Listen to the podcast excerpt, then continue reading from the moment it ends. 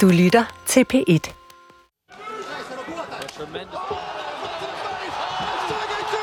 Ti minutter inden jeg skulle ind og, og kæmpe de her kampe i, øh, i UFC, som, altså, som jo har millioner af seere verden over, og man kommer ind i kæmpe udsolgte arenaer med 16.000 mennesker. Ikke?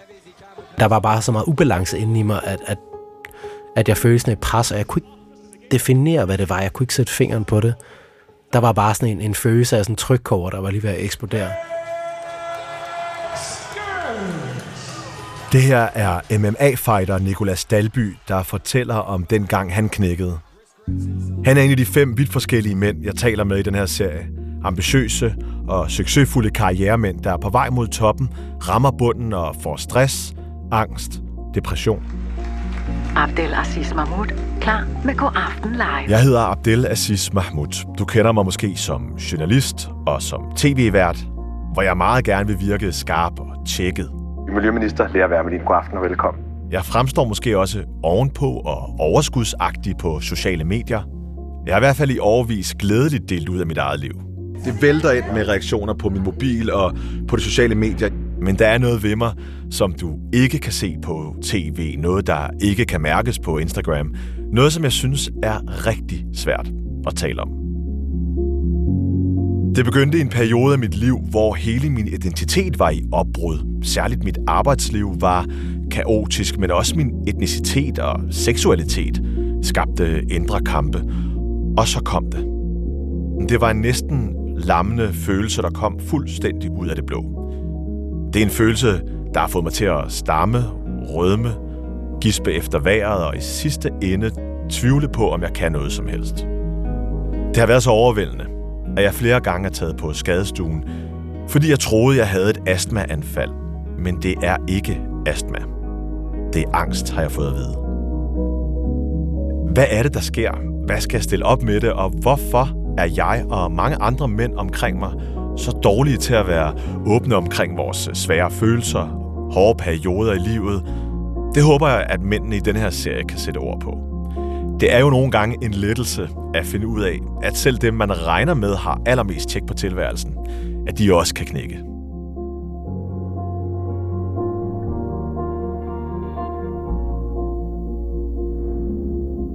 Nå, Nicolas, øh, du må godt rykke en lille bitte smule tættere, hvis du kan, ellers så, ja. og så og, og sætte mikrofonen, så du også kan se mig og, og, og har det godt med det. Ja.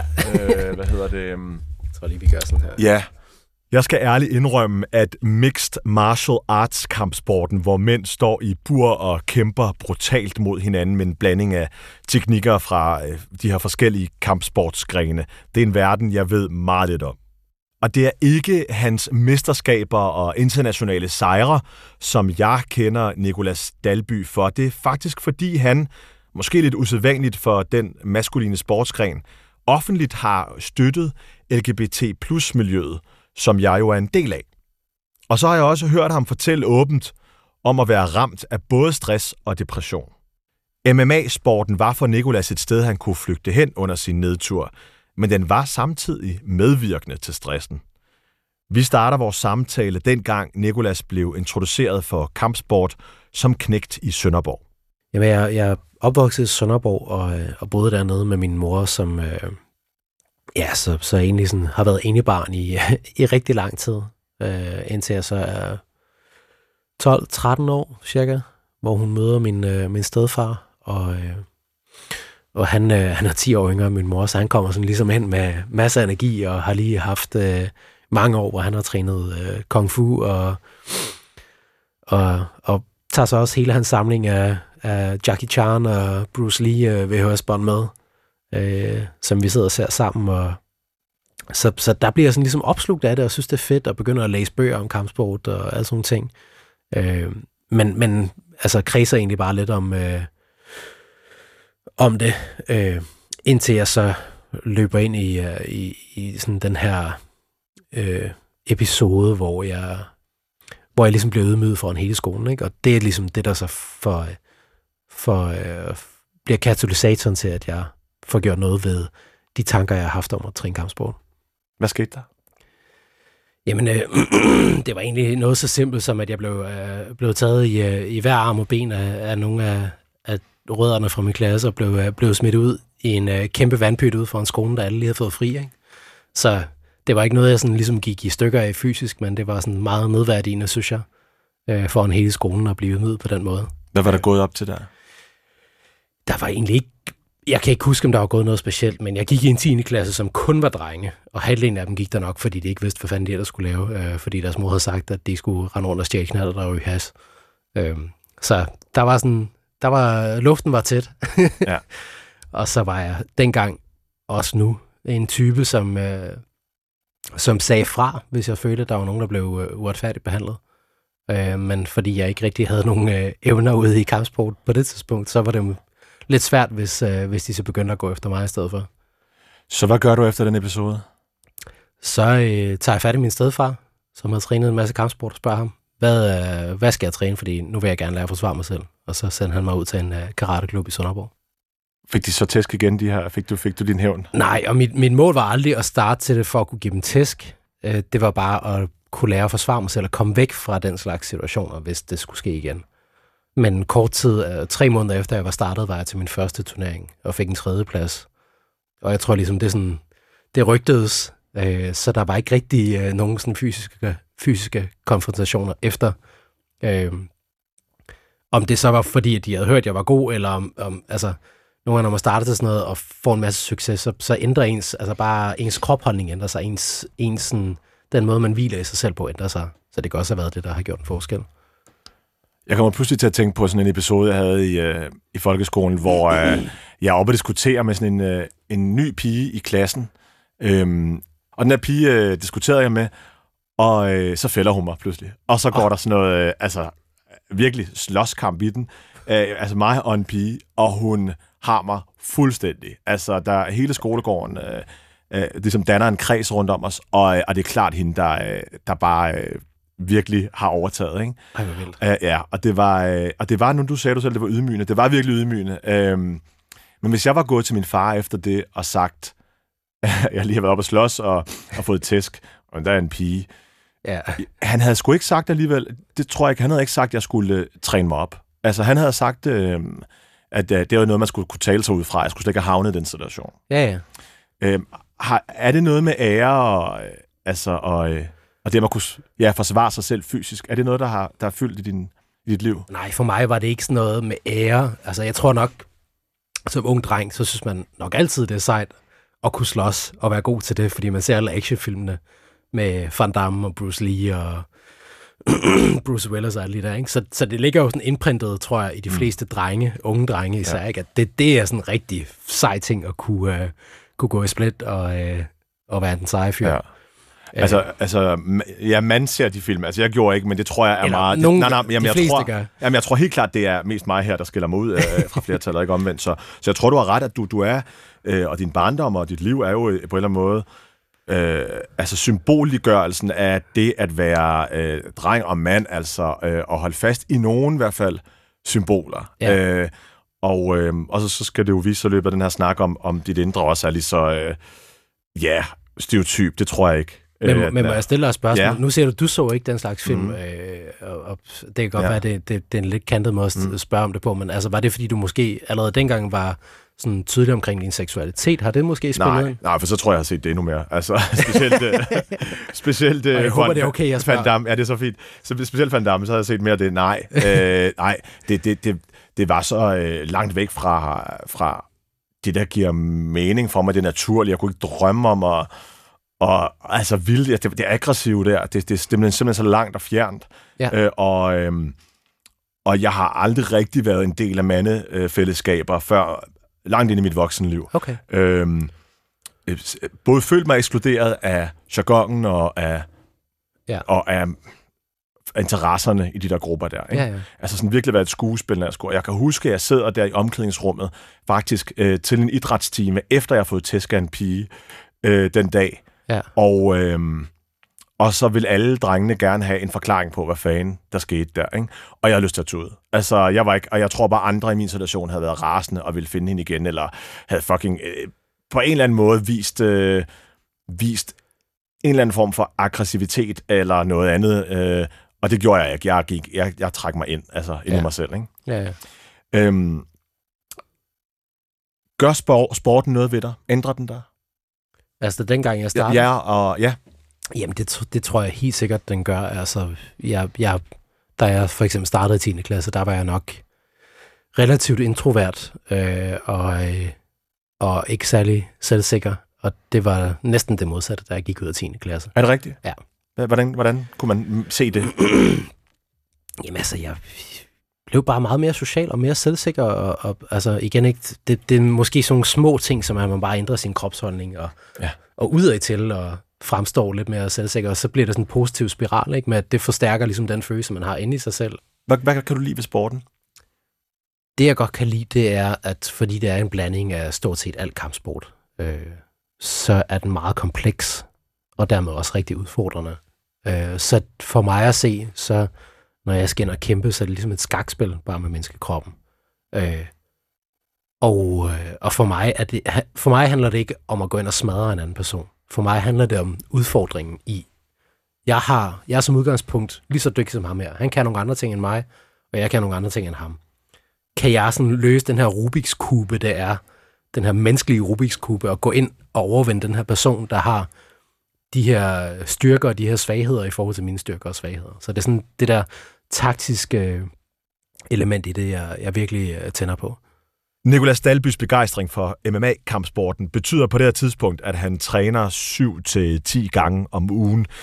Men han kan endnu ikke leve af sporten, og har derfor også et fuldtidsjob som IT-supporter, og så arbejder han ved siden af som øh, fotograf. Nikolas trives med travlheden. Altså indtil det en dag kommer over, og han bliver sygemeldt med stress for sit fuldtidsarbejde. Altså det var noget med at, at, at træne øh, 7-10 gange om ugen, samtidig med at jeg havde et øh, 37 timers øh, fuldtidsjob, og, øh, og også øh, løb lidt rundt og, og var fotograf i Vega og sådan nogle andre ting. Altså der var fuld knald på, og nogle gange lidt for meget måske, men i det store hele, så, så var det jo noget, jeg selv valgte, kan man sige, ikke? Og, og jeg brændte for det. Så, så det var ikke sådan, at jeg kom hjem og var, var træt af det hele. Der var bare lidt travlt. Men uh, så lige pludselig, så blev det for travlt. Pludselig bliver det for travlt. Ja. Øh, på mest, og, og det, jeg tror mest, det startede på, på det fuldtidsjob, jeg havde, at øh, der er sket en masse ændringer, øh, og, og vi fik lige pludselig mange, mange flere opgaver, og fik ikke mandskab, sådan, ligesom, så, så vi kunne følge med. Så, øh, så det blev meget stressende, Så, så hvordan føles det at være på arbejde? meget frustrerende. Kan du mærke, hvor, hvordan kan du mærke det? Øh, jamen sådan rent fysisk kunne jeg faktisk mærke det. Sådan, altså, jeg fik sådan maveproblemer, øh, og havde også lidt søvnproblemer, synes jeg. Øh, altså, og fik, øh, fik faktisk noget pletskaldighed også. Hvad for noget? Ja, altså jeg mistede håret sådan nogle steder, øh, bare sådan ud af det blå. Så havde jeg sådan et, større, et område på størrelse med en 5 kroner om i baghovedet, sådan, hvor håret bare faldt af. Øh, og det er jo det er så typisk noget, der bliver udløst af stress. Men tænker du, da du mister det hår, at det har noget med dit indre at gøre? Ja, men jeg forstod ikke, hvor meget det ligesom, altså hvor, hvor dybt det gik. Øh, så jeg tænkte, om, så må vi bare lige skrue lidt ned. Fordi hvor gammel er du på det her tidspunkt? Ja, hvad er jeg der? Det er jo tilbage i øh, 2014, så der har jeg vel været sådan midt 20'erne. Fordi øh, det er jo vildt nok, at, at noget, der foregår inde i dig, kan have sådan nogle fysiske konsekvenser. Ja, det, det er ret syret. Øh, Ja. Og- Og, det, og hvor længe er du i den her situation? Hvor længe er det sådan her? Altså, jeg var, jeg var på den arbejdsplads i, i et par år, men jeg tror, det, er sådan, det, det blev virkelig stresset det, det sidste år, jeg var Mm. der. Og det er også lang tid. Ja, Og ja så det. samtidig også prøve, og så samtidig også øh, sådan, holde styr på den her begyndende MMA-karriere som professionel, ikke? som kørte ved siden af. Og hvordan kører den så ved siden af, mens du har det sådan der? Det kører fantastisk, altså. Og det, det var jo en af grundene til, at jeg har valgt sådan nogle, øh, igennem mit voksenliv, har jeg altid haft sådan nogle, hvad kan man sige, ret i går så nemme jobs, altså ikke, som ikke var fysisk udfordrende. Netop så jeg havde masser af energi til at, at kunne træne. Øh, så det var jo, for mig var det sådan mit fristed, det var at komme ud og træne og forberede sig til kampe og alle de her spændende ting med at lægge en taktik og, og forberede sig øh, via træning. Ikke? Det var sådan ligesom mit, mit fristed, der hvor jeg måske kom af med nogle af altså både de fysiske og mentale frustrationer, mit arbejde gav mig. Så Så i takt med, at du får det dårligere og dårligere Ja. på dit arbejde, Ja. hvordan påvirker det dine øh, kampe? Og... overhovedet ikke. Så altså, det bliver overhovedet ikke påvirket, så, så det er faktisk først mange år efter, jeg stoppet med at arbejde, at, at jeg sådan ligesom rammer bunden.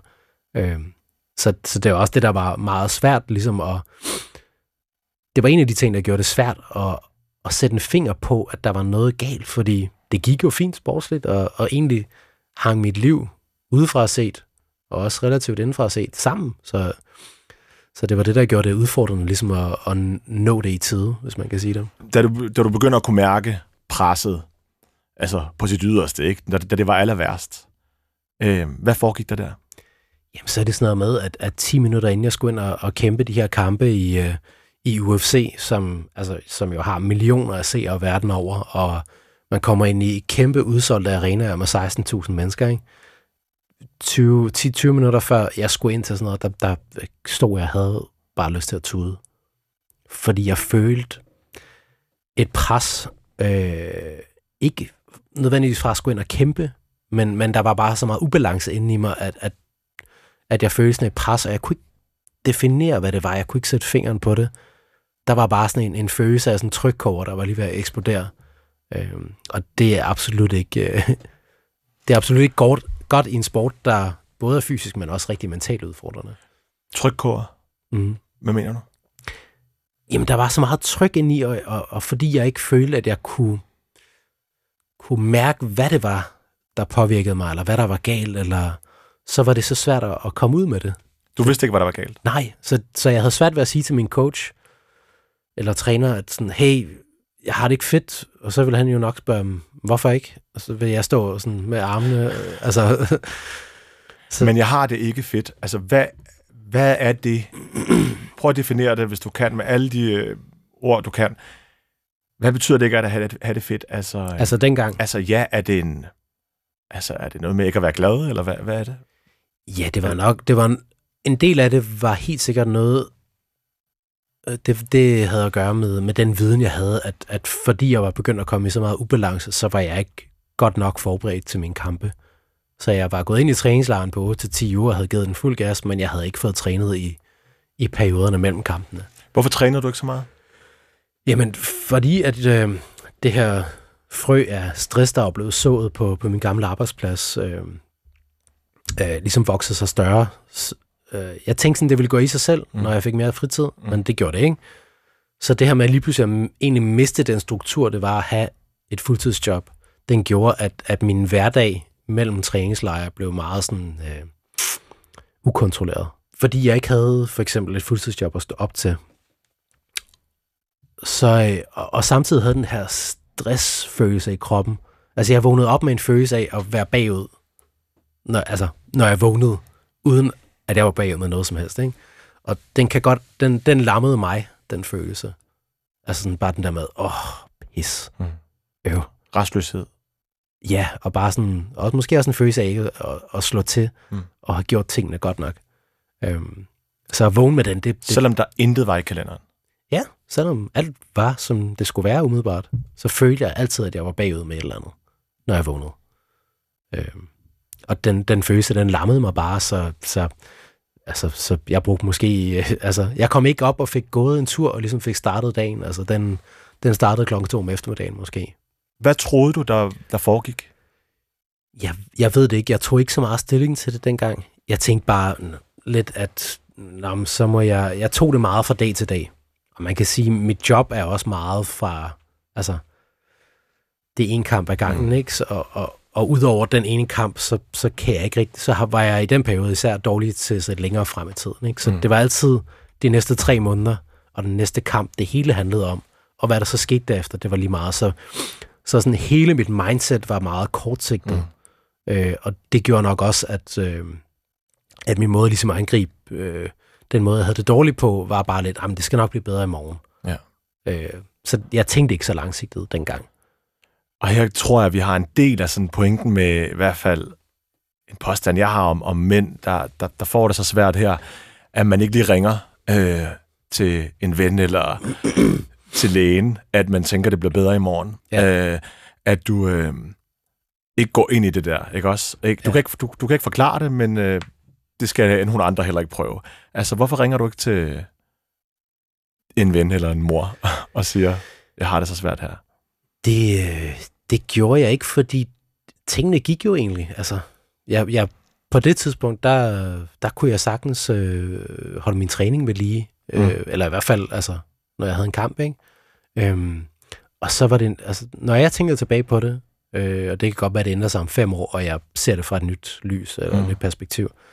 Men, men når jeg tænker tilbage på det nu, så var det bare det her med, at det var, det var så diffust, det, det var så svært at, at beskrive, hvad det var. Så derfor følte jeg, at det var svært at gå til nogen med det, fordi hvad skulle jeg sige? Jeg forstår det udmærket, at man kan se det klart, når man kommer ja. langt væk fra det, og mens man står i det, når det er første gang, Ja, en ny følelse, ja, og ingen andre har fortalt om deres oplevelser, ja. jamen, så kan den ikke tjekkes af på nogen liste af, Ja, af muligheder. Ikke? Den, er ikke, den er ikke på buffeten, øh, du, fordi du har aldrig hørt om det. Eller, ja. Og jeg, jeg har oplevet det for ganske nyligt, og det Ja. var faktisk en af der sådan... Altså personligt Ja, selv? altså i mit omgangskreds, at det Ja. var katalysatoren til, at, at det her program også skulle laves. Altså jeg sidder i min, hos min frisør, og hvor en anden ven også skal det til bagefter. Og jeg spørger, og jeg kan se på ham, at han har en helt anden blegere hudfarve, øh, og har længere skæg, og hans øjne hviler ikke. Og jeg spørger ham, øh, og så stiller ham et spørgsmål, som er åbenbart ikke normalt i vores kreds, nemlig, hvordan har du det? Ja. Prikker til ham ganske forsigtigt med en vatpind, Ja. og så bryder han sammen og hulker. Oh. Øhm, og nu sagde du selv, hvem skulle man sige det til? Hvor, hvordan skulle man sige det? Øh, altså, det er simpelthen noget, jeg bare hører igen i, i hvert fald min omgangskreds. Ikke? Altså, Ja. så hvorfor skulle jeg sige det? Hvor, hvad er det for et rum, vi har? Hvornår skulle jeg sige det? Skal jeg sige det, når vi er til en fest? Skal jeg sige det, når altså, vi er til et bryllup? Skal jeg sige det, når vi er øh, øh, til et arrangement? Altså, hvornår, ikke? Eller skal jeg i virkeligheden gøre det, som jeg tror rigtig mange kvinder er gode til, gribe knoglen, og kun lade det handle om det her? Hvordan Ja. har du det? Ja. Jamen, det tror jeg du faktisk, du har fuldstændig ret i, at det er mange kvinder rigtig gode til. Der er simpelthen noget med mænd og følelser. Det kan godt være, at vi i dag er blevet bedre til at tale om følelserne sådan generelt, men personligt, der har jeg for eksempel haft rigtig svært ved at være åben om mine angstanfald. Dels fordi det har været sårbart for mig, men også fordi jeg ligesom Nikolas på en måde har manglet et sprog for, hvad der foregik inde i mig. Jeg har derfor spurgt psykologen Randi Øjbakken, om det er hendes oplevelse, at vi mænd er dårligere til at dele med vores svære tanker. Der er nok en anden måde for mænd at håndtere svære følelser, end der er for kvinder. En anden måde at cope med de her svære følelser på. Og statistisk er der flere kvinder, der søger professionel hjælp, øh, for eksempel psykolog eller terapi af en eller anden slags. Så det kan godt være det samme antal, der bliver ramt, men når mænd håndterer svære følelser, så gør de det på en anden måde generelt, end, end kvinder gør. Og det kan være at mm, lukke ned og øh, gå med det alene, eller det kan være at dulme på den ene eller den anden måde.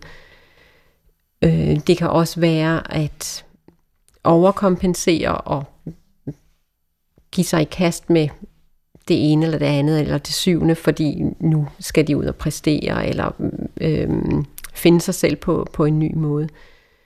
Mens måder til at cope med, med svære følelser på er ikke nødvendigvis dårligere, de er bare anderledes. Og de bliver mindre Øh, øh, tydelige for, øh, for dem omkring en måske. Øhm, og øhm, for dem tror jeg meget, det handler om at bevare selvbilledet af at være stærk og kunne klare tingene selv. Øhm, hvor, hvor, der, hvor det måske ikke går så mange skår af, af andre for at søge hjælp, eller at sige, jamen det her, det, det kan jeg ikke klare alene, så, øh, så kan det stadigvæk være, i hvert fald i nogen øh, subkulturer blandt mænd, øh, rigtig svært at sige, jamen her er der noget, jeg har brug for hjælp til.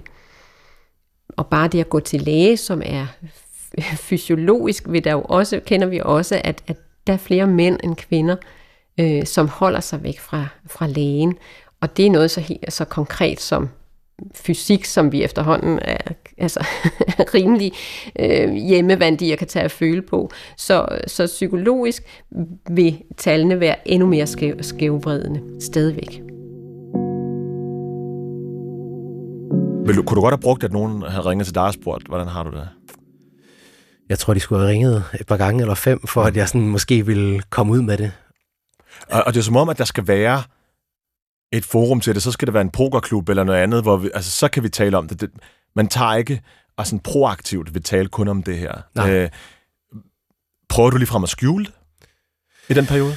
Øh, ja, måske i slutningen, inden jeg sådan rigtig rammer bunden. Så, jeg vil ikke sige, at jeg sådan prøvede at skjule men jeg prøvede, jeg prøvede mere desperat at sådan håndtere det selv. Øh, og det gik jo så overhovedet ikke. Hvad skete der? Jamen til sidst skete der det, at, at, øh, at jeg, jeg begyndte at tabe mine kampe, fordi selvom MMA er en meget fysisk sport, så er den også meget mentalt krævende. Jeg vil hellere gå ind til en kamp og være 100% mentalt og 70% fysisk end omvendt. Er det rigtigt? Ja, fordi selvfølgelig er det bedst at være 100% på begge, Mm. men, men selvsikkerhed og, og selvtillid øh, er meget vigtig i den sport. Den vil jeg hellere have end, end den absolut måske nødvendige fysiske sådan peak formåen.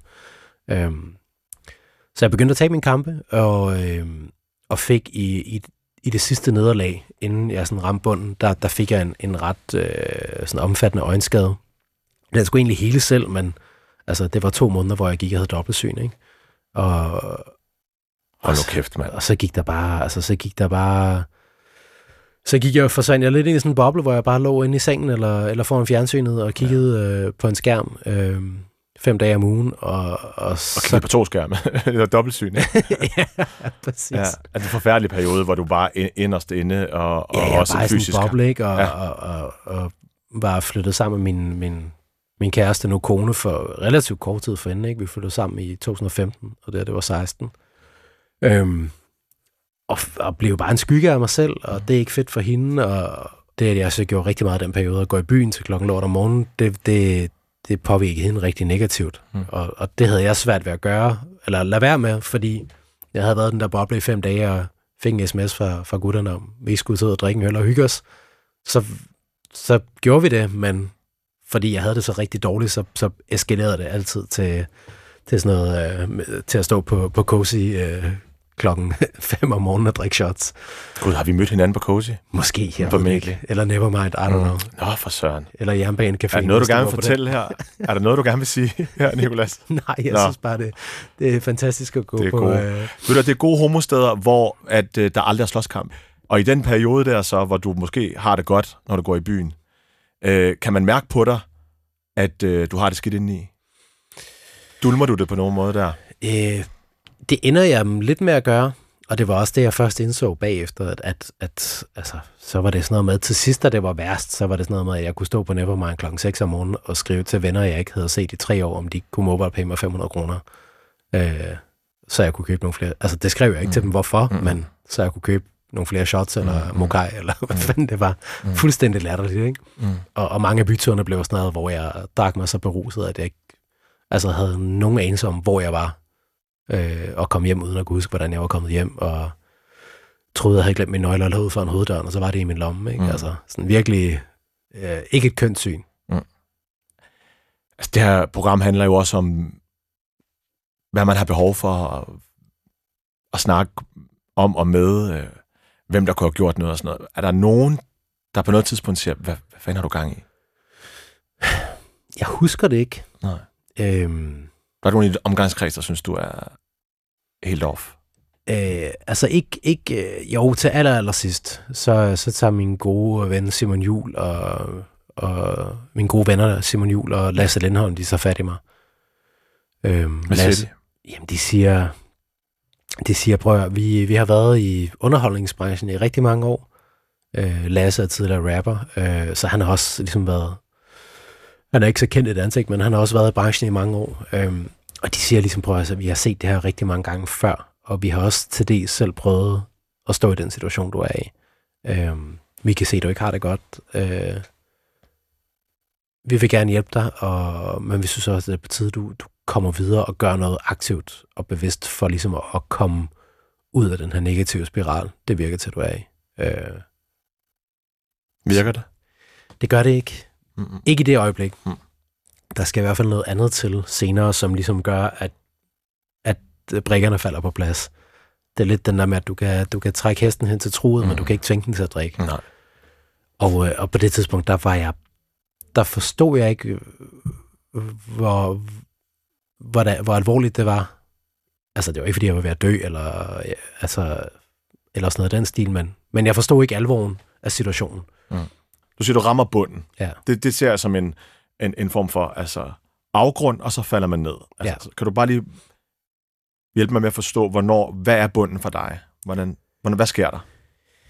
Jamen, det, er der, hvor jeg finder ud af, at jeg, jeg altså, fordi jeg har været professionel sportsmand i, uh, i stort set hele mit voksenliv, så vægt for eksempel, det er, det er noget, der er meget betyder for noget for mig, fordi jeg kæmper i vægtklasser.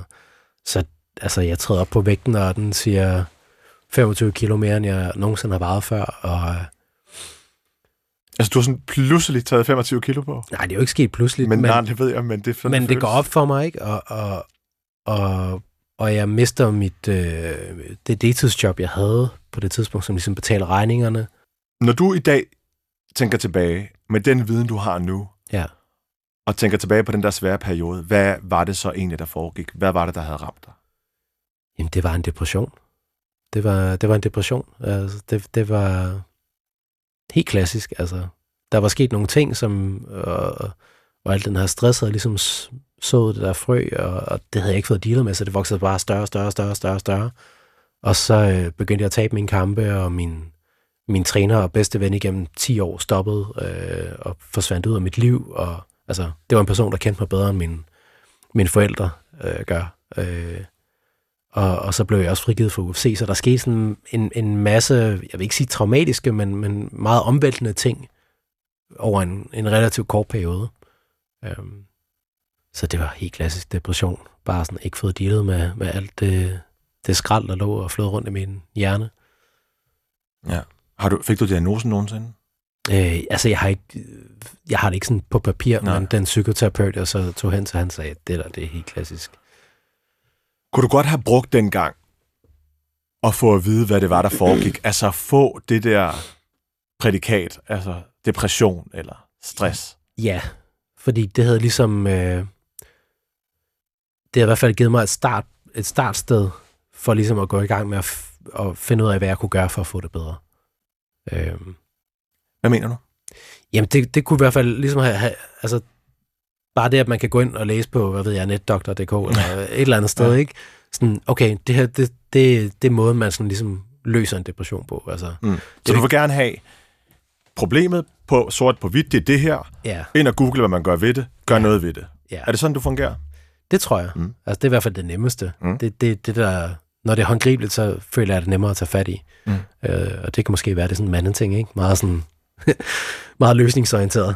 Øh, når det, når det er Ja, konkret. ja eller, eller er det altså løsningsorienteret? Det er i hvert fald en mandeting, tror jeg. Men, men tror du ikke, at, at, at, at nogle kvinder, og nu generaliserer vi her, ja. havde sagt det til en veninde, eller en veninde havde været bedre til at spørge ind, at øh, det var fanget meget tidligere, fordi de har sat ord på det her så mange gange måske, Jo. og, og du simpelthen skal vente på, at nogen skal fortælle dig, ja. du vil gerne have et, en forklaring på, hvad der foregår. Du kan ikke selv mærke efter, hvad der, er, der foregår. Nej, jo, det... Og du tror, det går over i hvert fald. Ja, af sig ja, selv. ja, præcis. Ikke? Det var sådan hele tiden, "Jamen, det skal nok blive bedre. Jeg skal bare lige tage mig sammen. Det var, det var sådan den, øh, den spiral, jeg var i. Men, Vil det være lidt sportagtigt, hvis du ringede sådan og sagde til en ven, ud af det blå, hvad der foregik? Nej, overhovedet ikke. Ikke hvis det var den rigtige ven. Altså, nok ikke en eller anden, jeg ikke har set i fem år, men Mm. en nær ven, det ville have været det bedste at gøre, tror jeg. Men øh, Men, men jeg skal bare forstå, hvorfor du ikke gjorde det. for mig gjorde jeg det nok ikke. Det er i hvert fald det, jeg er kommet frem til nu, fordi jeg, jeg ikke vidst, hvad fanden det var. Altså, fordi det var svært, det var svært for mig at ringe til nogen og sige, øh, altså, hvis man har brækket foden, hey, jeg har ondt i min fod, Mm. den gør ondt, men sådan, jeg har, ja. altså, jeg har, har det mærkeligt op i hovedet. Det, det var, jeg tror, jeg, jeg følte, at det var for ukonkret til, at, altså, jeg forstod det på ingen måde overhovedet selv, så derfor var det svært for mig at, at, at skulle sådan, ikke belemre nogen andre med det, men gå videre med det, fordi hvad fanden skulle jeg sige? Og ja, det, det, det lå bare ikke lige til højre benet dengang.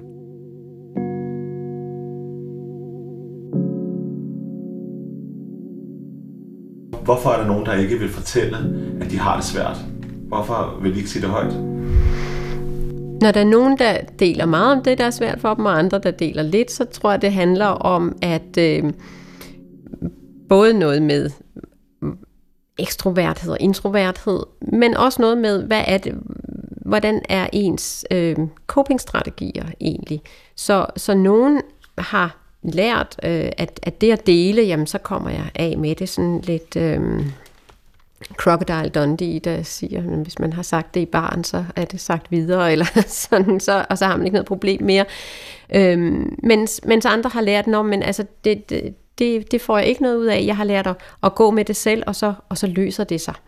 Øhm, eller også gør det ikke. Og så er der nogen, der har den her GPS-indstilling, som handler om at være følelsesmæssigt hæmmet. Øhm, og som øhm, jo har lært, at, at det at vise sårbarheder eller følelser, øhm, det kunne gøre, at for eksempel mobning den tog til. Så de skal i hvert fald ikke vise noget, der var svært. Eller, øh, så så der, der er også en historie, der kan gøre sig gældende. Det kan også være en, mis, et, en mistillids-GPS, øh, som gør, at, at man ikke har tiltro til, at andre øh, vil behandle det, man øh, fortæller på en respektfuld og ordentlig måde. Enten fordi man øh, har oplevet det, øh, eller har nogle traumer med sig, som, som gør, at, at man ikke har tiltro til andre. Hvorfor skal man tale om det? Når vi skal tale om ting, så handler det om, at skam er et rigtig ødelæggende begreb. Øhm, og øhm, tit kan det være det, der ligger nedenunder, at vi ikke deler, at der er en skamfuldhed i det. Og vi tror, at vi er ret alene eller unikke om det. Og bare det at, at sige det højt og blive mødt øh, med anerkendelse og nik og genkendelse, kan være enormt restaurativt. Øhm, fordi hvis man bare har gået om og holdt på det selv, så tror man, at man er den eneste i verden, og at det vil dømme en eller sætte en i bås på en måde, som man er rigtig bange for sker. Og så oplever man, at jamen, det er jo helt almindeligt, det er menneskeligt, øh, og jeg sidder her stadigvæk, og bare det at få ordene ud over læberne og opleve, at jeg ikke går i stykker, at øh, jeg kan faktisk holde til det. Fordi man har ikke nogen erfaringer med det, så man aner ikke, hvad der sker. Men, men jeg holder faktisk til det, og den, der sidder overfor, løber ikke væk, men møder mig på en omsorgsfuld, respektfuld, rummende måde. Måske endda med, med genkendelse. Det er, tror jeg, eller det kan være instantly helbredende. Det at blive bevidnet. Vi skal blive bedre til at tale om, når vi har det skidt. Vi skal blive bedre til at dele, og ikke at dele på en udstillende måde, øh, ved at sætte os selv i fokus, men som helt naturlig ting, at det er en del af livet, at det er en del af det at være menneske, og have det svært indimellem. Hvordan finder du frem til, at der var noget galt? Og rettere, hvad bliver vendepunktet? Vendepunktet bliver, at, at jeg finder ud af, at jeg skal være forælder. Øhm, og, og hvad gør det ved dig? Det giver mig et klarsyn. Det, det, det får mig til at stoppe op og kigge på mit liv. Og spørge, det får mig til at spørge mig selv om, vil, vil jeg kunne være forælder for et barn, som jeg lever mit liv nu? Og det vil jeg absolut ikke kunne, fordi det handler om alt muligt andet end stabilitet. Øhm, så dagen efter, efter jeg fandt ud af det, og min, øh, min kone og mig, vi havde besluttet os for, at det ville vi gerne. Øh, og vi ville gerne give vores forhold en chance mere. Øh, fordi vores forhold havde også været meget ustabilt. Øh, så dagen efter, så ringede jeg til, til så fik jeg endelig ringet til den psykoterapeut, min ven Lasse havde anbefalet mig for to år siden. Det var så i forbindelse med noget sportscoaching, et eller andet, ikke? Men, og stoppede med at drikke øh, et halvt år øh, fra den dag og et halvt år frem, og gik i gang med at træne op til en kamp igen. Altså, jeg lagde mit liv sådan, lavede virkelig sådan 180 grader. Hold da kæft. Fra den ene dag til den anden. Det er enten eller med dig, var? Ja. Altså, simpelthen.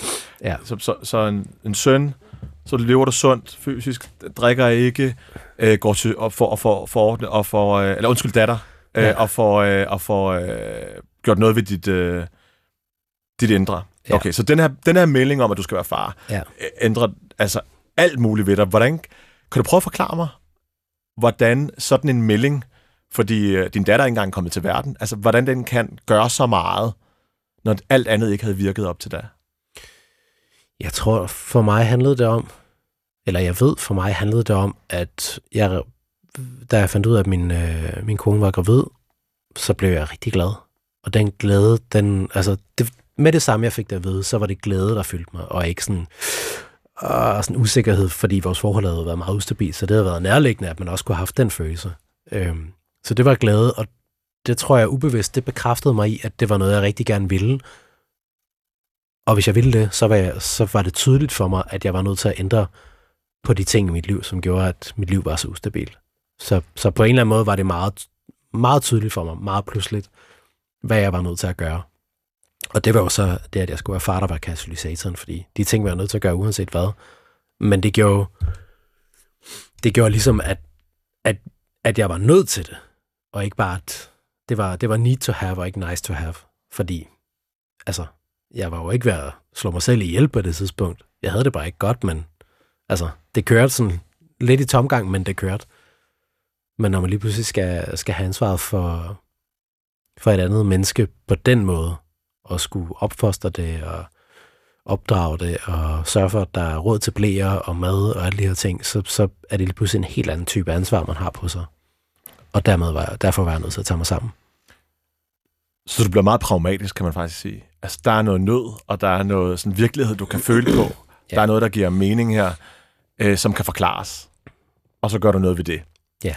Øh, og blandt andet går til en professionel. Ja. Hvad får du at vide der? Er det en psykoterapeut? Ja. Hvad får du at vide der? Jamen, øh, min terapeut Jesper, han siger, prøv at det, det, der er sket for dig, det har været sådan, altså, det har været en depression. Der er sket mange omvæltninger i dit liv, og du har ikke fået, fået dealet med det.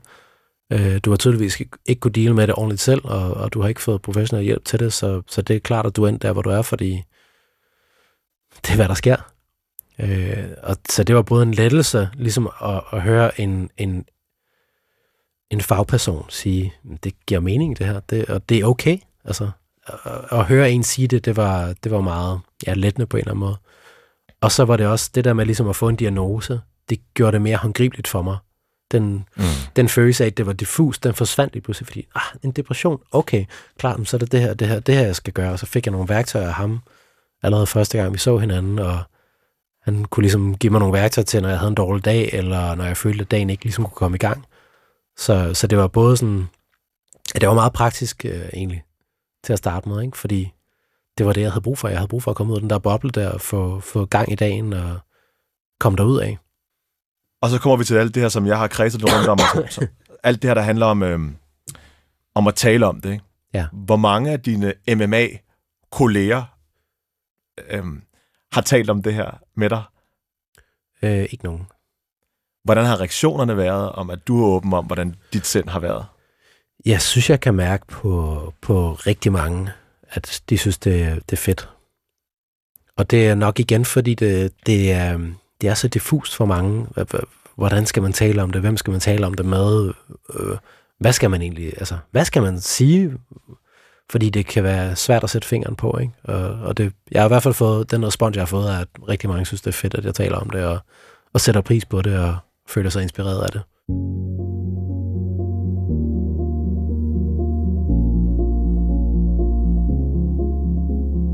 Jeg vil også gerne melde mig ind i Dalbys Rosekor, for hold op, hvor er det befriende, og jeg må også desværre indrømme overraskende, at se og høre en macho-muskelmand som Nikolas være så velformuleret og åben om sine egne indre udfordringer. Det tror jeg kan rykke rigtig meget for den kollektive snak, hvor vi som mænd, og som samfund i det hele taget vel, skal være lige så ærlige om vores indre sårbarheder som de ydre. Så tak igen, Nikolas, og tak fordi du har lyttet med til tredje afsnit om mænd, der knækker. I næste afsnit taler jeg med digteren Kasper Erik om at tilhøre en synlig minoritet og have angst. Iben Foss har tilrettelagt, redaktør er Rune Spare Gertsen, og jeg hedder Abdelaziz Mahmoud.